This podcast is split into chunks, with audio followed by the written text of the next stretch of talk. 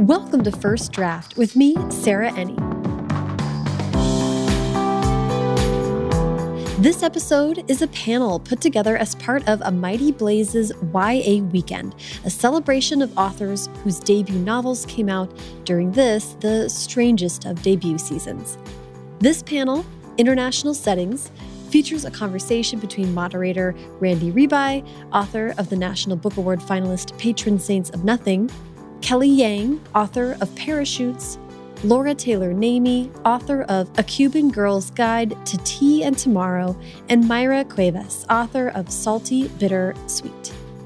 This conversation was held as a part of a Mighty Blazes YA weekend, and many thanks to Joseph Moldover, author of Every Last Breath, and Jennifer De Leon, author of Don't Ask Me Where I'm From, for all the help in putting that entire celebration together. Everything discussed in today's episode can be found in the show notes. First Draft participates in affiliate programs, and shopping through the links on firstdraftpod.com helps to support the show and independent bookstores at no additional cost to you.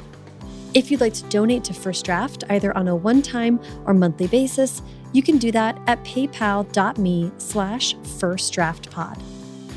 Track Changes, the first draft miniseries that gets into how your book goes from your laptop to a bookshelf, is now complete. You can hear the entire series, nine episodes plus four bonus episodes, at firstdraftpod.com slash track changes. And the publishing info party won't stop for subscribers to the Track Changes newsletter, where every Friday I share more of the information that I gathered in researching for this project, as well as industry updates and more original reporting. You can sign up for a 30-day free trial of the newsletter and learn more about both Track Changes projects at firstdraftpod.com slash trackchanges. Okay, now, please sit back, relax, and enjoy this A Mighty Blaze YA Weekend panel. Hello, everybody. Welcome to A Mighty Blaze YA Weekend. I'm Joe Moldover here with our next panel, International Settings. I want to remind the audience to look at the URL on your screen, a mightyblaze.com slash YA-weekend there's a link there for bookshop.org stall where you can pick up copies of all of these authors' works as well as supporting independent booksellers. A Mighty Blaze exists to support debut authors and independent booksellers during COVID. Before we begin, I want to thank Sarah Enni of First Draft Podcast and Jennifer De Leon, author of the forthcoming Don't Ask Me Where I'm From, for their collaboration in this event. Our host for international settings is Randy Ribay. Randy was born in the Philippines and raised in the Midwest. He's the author of an infinite number of parallel universes, After the Shot Drops, and Patron Saints of Nothing, which was a finalist for the National Book Award, LA Times Book Prize, Edgar Award for YA, and CILIP Carnegie Medal. Randy earned his BA in English Literature from the University of Colorado at Boulder and his master's degree in language and literacy from Harvard Graduate School of Education. He teaches high school English in the San Francisco Bay Area, where he lives with his wife and two dogs. Randy, thank you, and please take us away. Yeah, thank you, Joe. What's up, everyone, and welcome to the uh, Mighty Blaze International Settings panel. Um, as Joe said, I'm Randy Ribay, author of most recently Patron Saints of Nothing, uh, here to be your moderator. And I have some wonderful 2020 YA novelists here to share their stories and talk about uh, talk about being abroad, right? And something that's especially helpful right now in a time when we can't really go abroad uh, for the most part. Um, I'm going to go ahead and ask each panelist to introduce themselves and give us a quick pitch for the uh, novel that they're here to talk to us about today. Um, and we're going to do this like a little bit like I do it in my classroom sometimes, where like when you go after you finish, like you call on the next person to go, right? Then we don't have like the awkward like in between silences, and somebody has to be like, "I'll go next," right? Um, and so let's see, Mayra, why don't you go ahead and kick us off? Hi, everyone. Thank you so much for joining us this weekend. It's great being here with you. Um, and thank you so much, Randy, for moderating this awesome panel with these wonderful, amazing women. Uh, I am the author of Salty Bittersweet. Salty Bittersweet is a YA foodie rom com if you love food and if you love traveling uh, through France and Barcelona and just, you know, just having a moment to just enjoy yourself, this book is for you. it's about a 17 year old Isa who wants to be a chef and win an apprenticeship at a three Michelin star kitchen in Lyon, France. It's a book that celebrates uh, the joys of family, of food, uh, love, and it's got a, a Latinx uh, main character. So I'm very proud to have a, a book with a Latina who looks like me, like as, as the main character. Uh, Laura. Oh, well, yeah. You called on me because I also wrote a Latinx foodie book, A Cuban Girl's Guide to Tea and Tomorrow. It just comes out October 6th. And I'm a Cuban American, and my character, Lila Reyes, is also a Miami Cuban. And she is a bakery heiress to Panaderia La Paloma, a popular Cuban bakery in Miami. And Lila suffers uh, what we call the trifecta of grief uh, right as she's graduating from high school. And I won't elaborate too much about that. I won't spoil. But her family is worried about her mental health, and Lila's not really worried about it, um, but they worry for her, and they think a summer away to get out of the toxicity of what Miami is doing for her would really help her to heal, and she completely does not agree. But she unwittingly finds herself in Winchester, England for the summer and becomes swept up in trying to hold on to her identity and trying to find her place in this new place with all these new people who think she's pretty cool. Um, and she learns this is a book about identity, about loss, and finding yourself, um, finding your way back into the world after grief has broadsided you. That's a Cuban Girl's Guide to Tea and Tomorrow. And this guy right here is a tea salesman in England, and I, we'll talk more about him later. um, how about Kelly? Hi, I'm Kelly Yang. I'm the author of Front Desk and Three Keys, the sequel coming out in September. And I'm also the author of Parachutes, my YA debut novel. And Parachutes is about two girls, Claire and Danny, Claire is a student who is living in Shanghai when suddenly her parents decide they want to send her to the US to study on her own.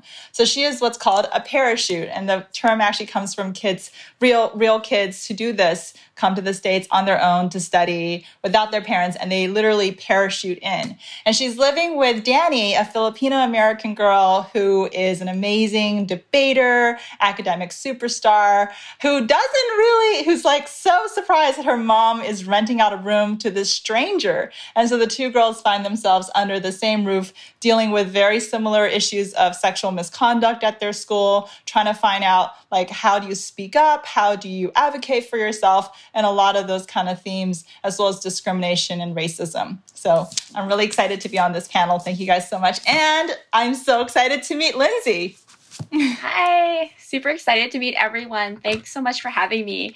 Um, so, my name is Lindsay Wong. Um, I'm the author of The Woo Woo um, How I Survived Ice Hockey, Drug Raids, Demons, and My Crazy Chinese Family. And um, this is my YA debut, My Summer of Love and Misfortune. Um, it follows the misadventures of 17 year old Iris Wang. Um, she fails out of high school doesn't get into any colleges. So her parents send her to Beijing to learn hard work and responsibility. Um, but when she gets there, she ends up meeting family that she didn't know existed and falling for this hot Mandarin tutor. Um, things completely spiral out of control, and Iris has to learn to rely on herself. It's a fun, summery contemporary with lots and lots of food. So, yay! Great. Yeah, well, thank you, thank you all for sharing, thank you all for being here. I think this is my first time meeting. I think all of you. Yeah, so yeah. this is exciting for me uh, to be able to run this conversation. So let's start out with, uh, you know, let's start out with something deeply personal first, right? You know, nice, nice soft opening. Um, you know, all the stories feature teenagers traveling abroad in some form or another um, and being deeply impacted by their experiences, right? So I want to know did you have any traveling experiences kind of when you were a teenager, young adult, uh, that you think kind of impacted you uh, in a way that maybe put put a seed in your mind for this story at some point. And we don't have to do the name calling on each other thing here. This can be kind of just the open discussion now. Okay, so I, I grew up in Puerto Rico. I grew up in, in a rural town in Puerto Rico. It's called Sabana Grande. Um, basically, if you grew up in an island, you have to get on a plane to go anywhere. Like you just, you know, that that's it. And you know, growing up, we didn't have a lot of money uh, to travel, so everything we would just kind of stay on the island. But I would I would watch the the ads for airlines, and I was like, oh my god, I want to go there, and I want to go to this place and that place. So when I got to college, I actually met this these girls who had just come back from a backpacking trip through Europe. And I just thought that was like the most awesome, awesome thing ever. These two girls had just like gone out there, you know, on their own for like a few months, and uh, just everything they owned was on a backpack. So I decided that the next year I, I was gonna do that. So yeah, so in college, I saved all this money. I worked, saved all this money, and then went to Europe for for a month. I backpacked, and it was like one of the most amazing traveling experiences in my life because it was I paid for everything. So basically, you know, like I made it, I made the trip happen. Um, and it was a time of experimenting, of, of, of being out in the world, uh, of on my own as, as a young woman you know and and figuring out where to go what to do how to how to be in a place where you don't speak the language where you you don't you're not really sure about the culture. So i mean it was it was an amazing amazing experience. And i did use some of the things that i learned from that trip in crafting the world where isa um, is in salty bittersweet. You know it's just this this love for uh, French food and pastries and, you know, beautiful, gorgeous plazas and just history and just everything um, that, that, that makes traveling in Europe just amazing. Yeah, I mean, I remember when I was a kid, um, we you know moved from China to the United States, and when I got here, I was always thinking about my cousins and always thinking about my family back home, and trying to you know wait for the day when we would actually ever go back and visit. And we finally did. And I remember I was like, I think I was in sixth grade or seventh grade or something. And when I landed, first of all, the place looked completely different. You know, Beijing was completely developed now, or not not completely developed. It was still developing, but it was very different from from what I remember. And then all my cousins looked at me funny. They were like, you know, who is this person who can barely speak the language now and like doesn't even eat the same things and can't even use chopsticks properly? And I just felt it was just this feeling of like, you don't really, you're like an outsider wherever you go you know? And i wanted to take that feeling and put in the book. Um, i also you know returned to asia. I went i lived in hong kong for 15 years after law school. So i probably went back when i was 20 and stayed until recently, until this year I moved back. So I'm now living in the Bay Area. But um, that whole experience was also just so mind blowing. And obviously, living in Hong Kong, having the opportunity to go to Shanghai all the time and go to Thailand and go everywhere, like within Asia, there's so many opportunities Japan, Taiwan. Um, I love I love traveling, and it, there's always something about finding yourself when you land finding yourself and finding out about others and just really learning and growing, um, which I just find so great.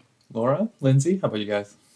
I grew up traveling. Um, I didn't get to go to Europe until I got married, and I remember my husband, right after we got married, a couple of years, kind of fulfilled that dream and took me to France and to Paris for the first time, and it was over.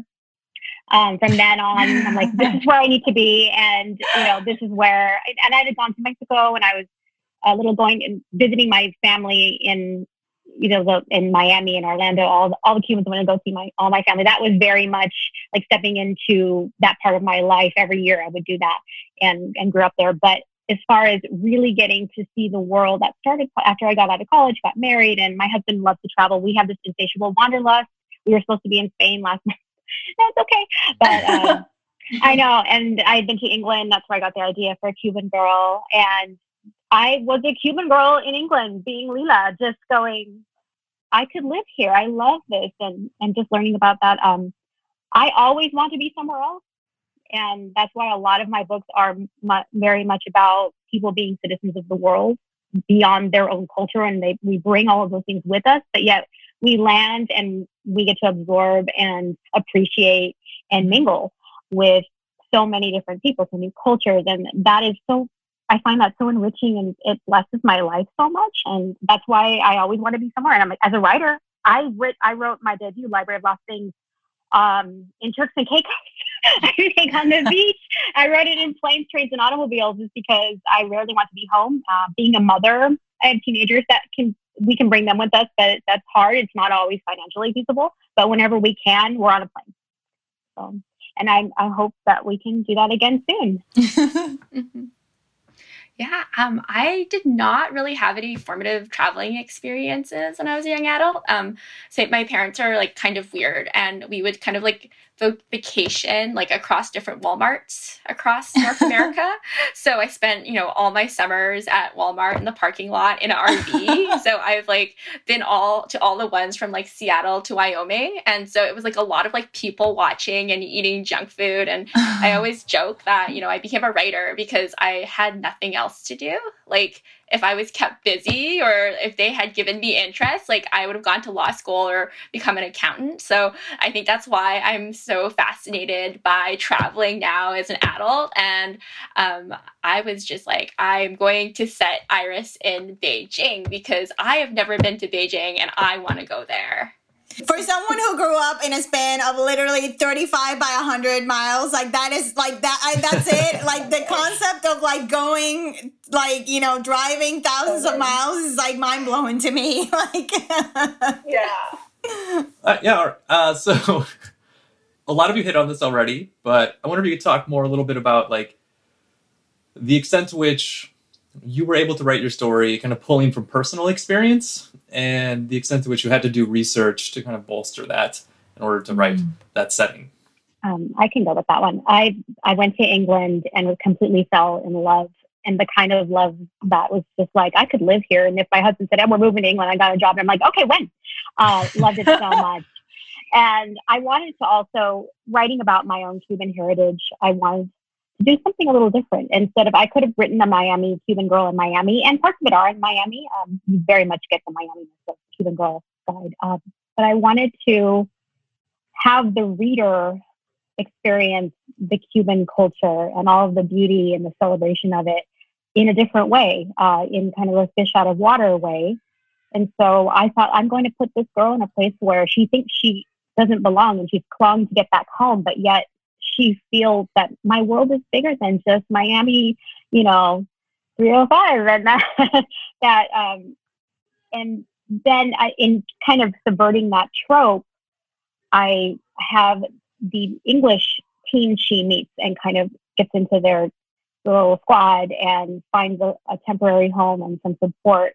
They're also fishes out of water with her in that um, in the subverting that that they first fall in love with who she is as a person. It's not like she's been othered in another country and that she's this exotic girl that comes in and sweeps in with all her Cubanness. It's not that at all. They they like her as a person and that she shares her love language, which is food, and she she has to cook for them because that's how she shows comfort and love.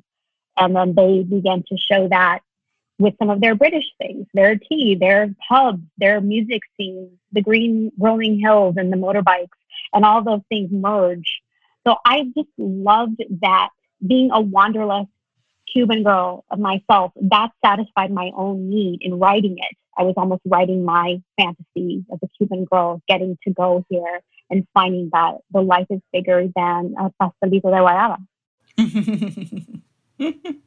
So yeah, I mean, I used a lot of my own experience in writing the book. I mean, uh, uh, Isa, my main character, when the book starts, her grandmother has just passed away, and her grandmother's her culinary muse. So she's, you know, she's really distraught trying to deal with um, the grief of her passing and how um, how is that going to manifest in her own cooking? Um, and also her parents are going through a very difficult divorce. Uh, her dad just moved to um, from chicago to uh, to a farm in france with his new wife. And as a result isa comes along. It's a it actually works out in the end it works out great for her. But in the moment it just feels really awkward and weird Um, and I, I went through all of those experiences. My my parents divorced when I was a teenager. It was it was a terrible terrible time. Um, there was um, and, and I used books at that time to to help me cope. So for me, this was kind of like a love letter to all these you know teens who are going through these difficult times. It's like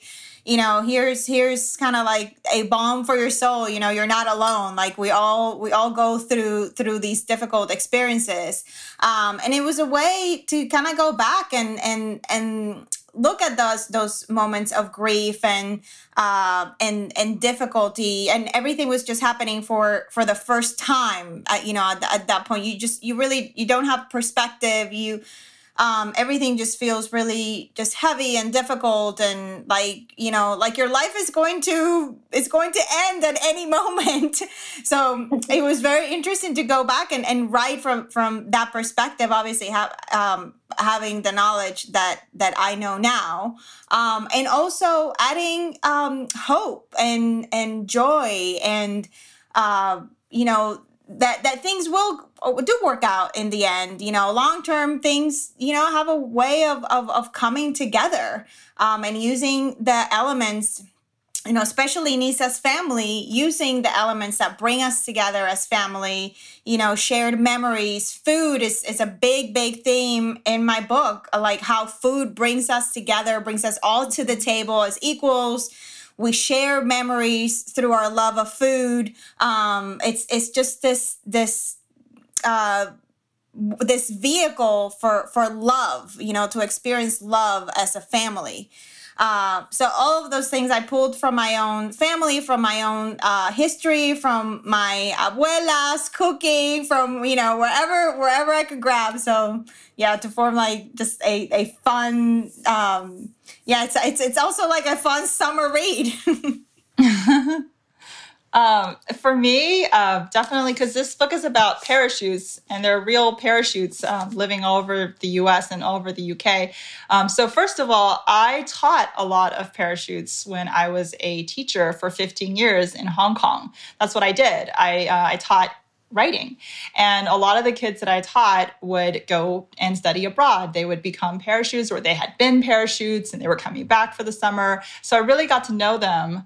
Um, but also in writing the story, I went around and I went to all these different schools that were, you know, that had international students. I went to a lot of the families, the host families, and the families that were living in Asia who were worried about their kids. I talked to a lot of teachers and I realized that there was this whole industry for you know catering to these people. And in fact there were like all sorts of weird things going on in the industry. Some of it was kind of shady. Some of it was just you know surprising. And some of it was you know showed that the kids needed to have like this incredible amount of courage to come here because when they would encounter issues they were really all alone. And the whole system was designed to sweep things under the rug and to keep this pipeline going um, and that made me think about my own experience um, when I was in law school.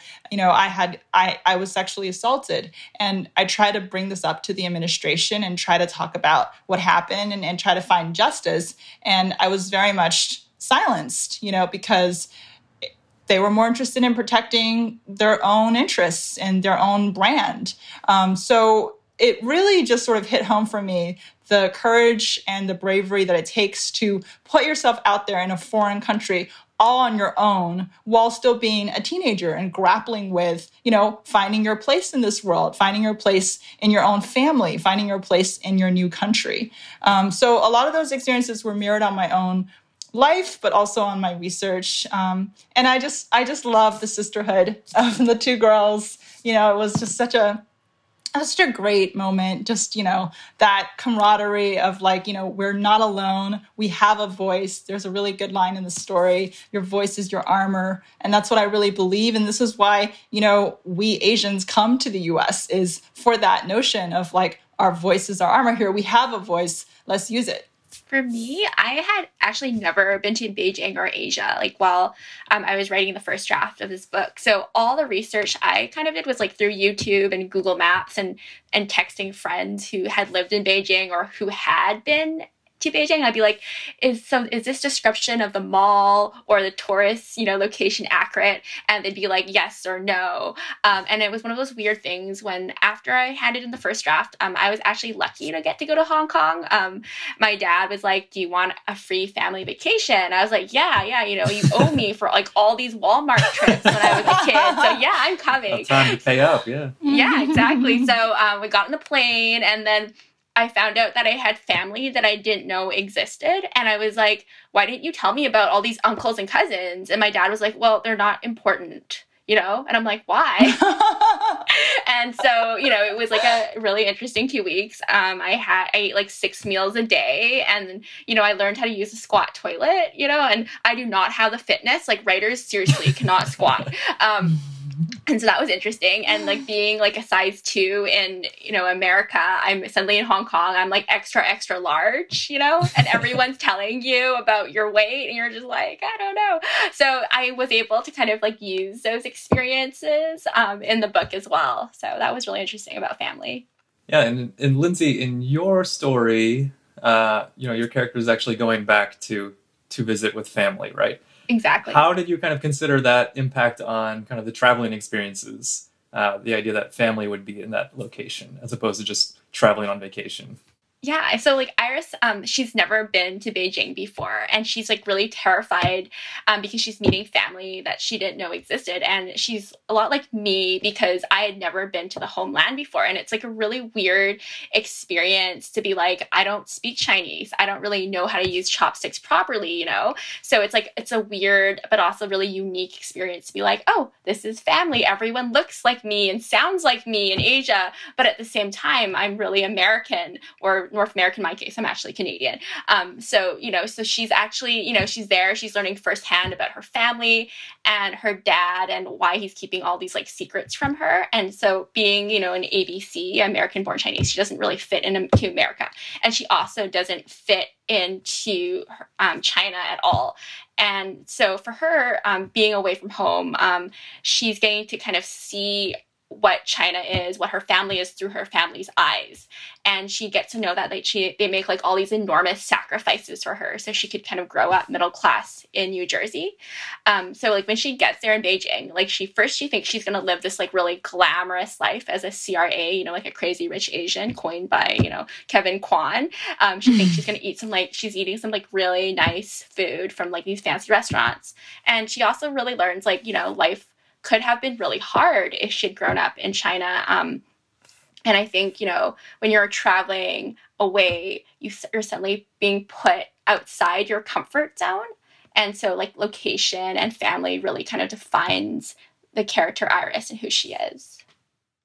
Um, Kelly, you had mentioned, uh, you know, in your story, the United States is actually the international setting for Claire, right? For that point right, character. Right, right, right. Um, so I wonder if you could talk a little bit about that, like writing, writing, you know, for a book that would be published in the United States, right? How did you approach writing that character's viewpoint of traveling in the United States as the international setting? Yeah, so that yeah, it was a challenge. You know, as someone who grew up here but also lived for so long in Asia and Hong Kong, um, I would I'd had to tap into all of the feelings of whenever I would land back in San Francisco or I would land in LAX um, you know, because we we would live in we lived in Hong Kong, but we'd come here a lot. I came here for you know my kids. You know, we came here for the summers and whatnot. And every time the plane touched down, I really had all those experiences, all those feelings of being a new immigrant again. And so I had to kind of like force myself to see, you know, Jamba Juice from the, the eyes of someone who's like never experienced it, or Target, oh my God, or like Trader Joe's, whatever it is. And there was a really funny scene in the book where Claire's mom's like, "Who's Joe?" like from Trader. She's like in Trader Joe's. Um, but it's you know, it's also just like what I think what people's um, preconceived notions of America are before they come here, and then the reality that they face. You know, a lot of um, people from like China or Hong Kong, um, they don't really know that much about the US. What they know is from Hollywood, what they know is from books that they've read. And then they get here. And for Claire, like she never expected to face this much, this much discrimination, a lot of the microaggressions, things that she thought that she could um, avoid in like you know living in you know you know 2000 i guess this is takes place in 2019 or whenever it is. Um, but it still exists as we all know like this racism is still with us and it's really really awful and it can it can hurt anybody at any time. You know any of us who are dealing with um, people who are being hostile to us because of the color of our skin. And she experiences that for the first time which she never had experienced before in china. Um, and then and you're dealing with a lot of like the fact that she has a lot of privilege, you know, but Dani doesn't. You know, she's so hardworking, you know, one of the most amazing students in her school, but she's dealing with it without, you know, this American Express credit card, without her parents who are able to just wire her money. And when you have something like sexual assault happen or sexual misconduct, I wanted to see it from the two lenses and how similar we all felt. You know, it's just like if you're dealing with something like sexual assault, it doesn't matter how much money you have, you still feel the same pain, essentially. You still have to live in that pain. There's no way you can get out of it. Um, but the resources are different and are, you know, are going to define like how you grow as a person. And that makes me, you know, thinking about like the different perspectives on, you know, being abroad or kind of experiencing things um, you know, Mayra, in your story, Isa's moving to France, right? She's not just going on vacation there. Um, can you speak a little bit about kind of how that shifts things, right? The idea of like going to some place completely different with the idea that you'll be there permanently as opposed to just a temporary jaunt. Yeah, so I mean, this book really is it's about like uh, fulfilling your dreams right? And and figuring out and not only fulfilling your dreams but figuring out also what your dreams are uh, ultimately. So when when the book starts isa is sure that what she wants for herself is to be a uh, win an apprenticeship at a three michelin starred um, kitchen in lyon france. Like this is what she's trained for for years. Uh, this is um, you know the the dream that that she's she's holding on with like two hands right? Like her whole life is wrapped around this idea that if she can succeed in this kitchen uh, she will make it in life you know? And and i feel like we go through life like this a lot of us. I mean for her it's a kitchen but for you know the rest of us it can be something else. It can be the next book contract. It could be you know some something athletic right? It could be whatever. We hold on to these things and sometimes we hold on so tight that they they end up making us miserable. Like they are they basically suck like all all the joy. So she she has to go through this journey of figuring out that you know what is it exactly that uh, makes you happy about what you're doing? And, and going back and finding that joy. Um, and you know and, and like it's not about uh, achieving a goal. It's more about giving yourself in a meaningful way. And she's doing this. The the um, uh, the setting becomes really important because she's out of you know like what the other uh, panelists were saying she's when we travel when we go somewhere abroad we're out of our setting we're we're out of our comfort zone so we're we're I think we're even we're more open to kind of some of these, you know, curveballs that life throws at us. Like we're we're willing to make things a little bit different than we would normally would. Uh, so in this setting, also Isa meets like this cast of characters that she would have never met if she was in the states. You know, she meets uh, the hot Spaniard with the love interest from uh, from Barcelona she, she meets some awesome uh, uh, um, young women who are also trying to compete in this kitchen from uh, from who's from the UK whose family is uh, a Jamaican background uh, Lucia who's like uh, you know this chef like extraordinaire from from Spain like people from like all over the world. So she comes in contact with with people who are going to open her eyes to different experiences um, and in in that she's also discovering you know like what she thought she wanted it's not really what's going to make her happy in the end so the journey is more is more about finding going back finding what you love to do, why you love to do it, why is it meaningful to you, and how does that translate into a way that um, that you know into a career path for a young woman. Laura, your book also features some food and some romance. So much food. There's an entire chapter on the Cubano sandwich. I'm just going to leave that there. Mm. An entire chapter. I pulled that off. I don't So Randy, Laura, Laura and I connected initially because like our books are like full, full of food. Like there is food like in every page. I'm sorry. I'm so Yeah. sorry. sorry. But yeah, not really. Like books with a lot of food always make me kind of angry, right? Because I get so hungry and I like want that food and I can't have it usually at that moment in time. But Laura, can you speak a little bit about the romance element? Uh, I can. kind of Yeah. traveling abroad and kind of why, kind of how that factors into things and kind of makes the makes the air ripe for romance. It makes the air yes, and there's really no better fantasy, you know, place than a beautiful little romantic English city where um, it's funny because Lila Lila's mother says, you know, you're gonna. The joke is, um, Estrellita, little star, you're gonna burn yourself out. You're a supernova. I'm gonna send you to the coldest place I can think of in June, and that's England, where her aunt lives in London Inn. And so Lila's like, what? You know, so she goes there and she fight packs. Uh, she takes like she thinks, well, I'm going to control all I can because I can't control this plane ticket. So she, if you can see on the cover, she's in like flip flops and uh, and like, her white. She comes off with like like I mean a bikini, you know, like little uh, camisoles, and she's got maxi dresses that are you know without sweaters, and she didn't pack a single sweater. Of course, her sister puts things in her bag, which really makes her mad. Um, but she is wearing a sweater here that is not her own, and I'm not going to say who um, cost. It might belong to.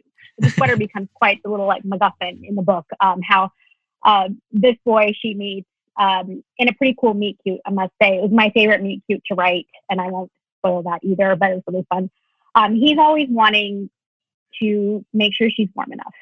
And Lila is always wanting to make sure Orion, who is a star named boy, is fed enough because he um, has a difficult family situation, um, a sad one. And initially, I think Orion is a blonde British boy, and Lila is a Cuban girl with hair like mine that needs its own zip code and darker skin and tanned and very much coming right off the sanded South Beach. And you know, when they meet, they they connect first upon the fact that they're both coming out of grief and they're both in the middle of a tough situation and they meet over that and then they decide they like each other and they a trust builds a trust builds in that you're here Lila Orion says I know you hate that but I'm going to be your tour guide I'm going to make sure that while you're here it's you know I'm going to show you the best of what we have it's not so bad and and she says oh my gosh you just ate an apple and like half a cheese piece of cheese for lunch let me show you what food is um so that is very much happening. And, and Lila gets, uh, she finds that her one saving grace is the inn kitchen in the inn that she's staying at that her distant family members own. And she gets her own room there. And she says, um, if I have to be in England, I'm going to find myself a kitchen. And she gets one and she starts cooking for the guests. And she says, well, can I mash up some British pastries with some Cuban flavors? And she d- does that to much acclaim and realizes this is really fun. And more guests come and they're like, who made this? You know, why is there guava? You know, she has to order finding guava in England is hard, you know, guava paste, and she has to adapt. Um, and Orion also, the connection point is he also shows his care um, and love and affection in with his food, with afternoon tea, and f- making sure that that somebody who's used to drinking iced tea on the patio in the South Beach Cafe finds her favorite tea. So he's constantly brewing. He's like, I'm going to find it. I'm going to find the one that's yours. so she's making him sandwich, you know, sandwiches, and they're both running all over England because of all the eating. And meanwhile, she'll go and sit in his shop and, um, and maybe or maybe not, he does find her favorite tea. But then she realizes that you know she had a one way, did not have a one way ticket. She's going home, um, and she's fallen in love. Um, and that is a very difficult and heartbreaking situation. That I promise, though, it's okay. Um, but it's hard when you you get to a place and the first thing you want to do is turn around and go home. And you spend so much time fighting that, and then maybe you have a couple reasons to stay. And what do you do? Do you follow your heart, or do you follow your your birthright? Yeah. I feel like we could we could talk all day about this. I have like 20 other questions that we're probably not going to get to. Um, but I do want to turn to some audience questions here, as much as we have time for. Uh, so, question from audience member is: Do you think YA publishers are more open to international characters and settings than they used to be? Yeah, I think so. I mean, I don't have any direct knowledge, but I think it's all about how the story's crafted and really ultimately the themes. The themes are what um, i think publishers are going to be interested in. It's just if you can use the international setting to find out something about yourself to dig deeper and to reveal some sort of universal you know emotional truth as one of my editors used to always say um, then go for it. Then i think they'll be totally game yeah, I agree. I mean, I think the setting needs to be relevant to the story. Like that's what it comes down to. Like in in I I chose Lyon, France because Lyon is the gastronomic capital of the world. So if if my heroine was gonna make it, like this was a place where she had to really step up her game because um, it was it was this is this is where all of the world's gastronomy kind of comes together in this in this very unique place of of taste and and and just and a lot of competition. And that raises the stakes for the story. So it does need to be relevant to your character arc to your story development um, and for for the theme that that you're trying uh, to tell. Yeah i think uh, you know historically international settings were places for wealthy white european men to go on adventures or colonize uh, or convert people and you know, all of your stories present women of color traveling in some form or another. So I'm wondering, like, to what extent were you considering how the dynamics of race or class or gender impacted your characters' traveling experiences? Um, yeah, I definitely consider that, and especially you know in the scenes of Shanghai, um, I had Claire walking next to the French concessions in Shanghai. So in Shanghai, you can still see where um, the French concessions were, and the the French dignitaries were allowed to live, and the British, and these were concessions that the Chinese government made because they had lost the Opium War, and they had to basically break up parts of Shanghai, parts of their country, and give them to um, foreigners, you know, to the you know Western powers that be. And and this is a really important point because Claire is always thinking about this in her mind. Is just like, oh, my country had to make all these concessions. Maybe I will have to make all these concessions for my parents, but I like to hope that, like Shanghai, I'll eventually get them all back. Um, and I think that that was very much in my mind, just like as a teenager, the concessions you have to make to please your parents, especially if you give, grow up in like a traditional household or whatever, you have certain whatever parental pressures, um, but you're always actively working to get them back. For me, like I um, really wanted to make sure Iris was not your typical Asian American, and she's like a character. Like she's she's female, and she you know rebels against the stereotypes of like Asian women being like really meek and smart and obedient. And so when she gets to um, Beijing, um, she's coming in from an outsider's point of view, but at the same time, her family, even though they're building all these like amazing seven star hotels, they're still haunted by like intergenerational po- poverty and trauma, and it's always there. And I wanted to make sure that that was a theme um, that was prevalent in her character trajectory. So I think it's something that you know so many immigrants can't escape. Yeah. Uh, Mayra or Laura, do you want to add anything? We have like one minute left. So I think they did. I think I kind of touched on that already, just about the whole fish out of water. But I tried to turn that around and um, the you know, the English English setting kind of became they had to learn about her too. So I I just took a different path with that. But I think I already I touched on that and yeah, and my character it, it, mm-hmm. was it, for for her. It's not so much the that she's Latinx and you know she's in this setting. For her, so she's a woman in a man's world. I mean, the the mm-hmm. the mm, the world of haute cuisine where the book is set, it's a man's world. Like that's it's just what it is. Like uh, there's I can probably name with one hand the number of women that have three or uh, multiple Michelin stars uh, or that have won like big big awards. Um, if if there's a genius type person, is usually considered to be a man for whatever reason. Um, so for her, it's more about uh, succeeding in her own right and um, and finding success on her own terms in, in in a world that she had no hand in creating. Uh, so uh, basically, she's just you know her and the other girls in in the kitchen. They're all trying to figure out well, how, do we fit in this world? How do we fit in this world? And if not, how do we make our own rules? How do how how do we shift the this paradigm so that we are the ones that are deciding what success looks like for us? Well, unfortunately, we are out of time, but thank you all for joining us today. Uh, and, you know, make sure to check out everyone's books and go and buy them and buy copies for everyone you know and love as well. Uh, and I'm going to pass it back off to Joe now uh, to close us out. Thank you all so much. That was an amazing conversation. Thank you for holding up your books.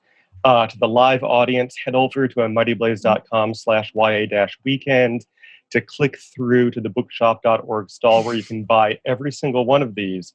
Uh, National Book Award finalist Patron Saints of Nothing, Parachutes, A Cuban Girl's Guide to Tea and Tomorrow, My Summer of Love and Misfortune, and Salty, Bitter, Sweet. Pick them all up. Thank you all so much for being here today for this fabulous conversation. We hope to see you again soon. Thank you so much to Randy, Kelly, Laura, and Mayra. Check the show notes for links to all of their social media or check the First Draft Twitter and Instagram at First Draft Pod, where I will link to them all. You can also follow me, Sarah Enni, at Sarah Enni on social media everywhere too. A quick and easy way to support First Draft is to subscribe to the podcast wherever you're listening right now and leave a rating or review on Apple Podcasts.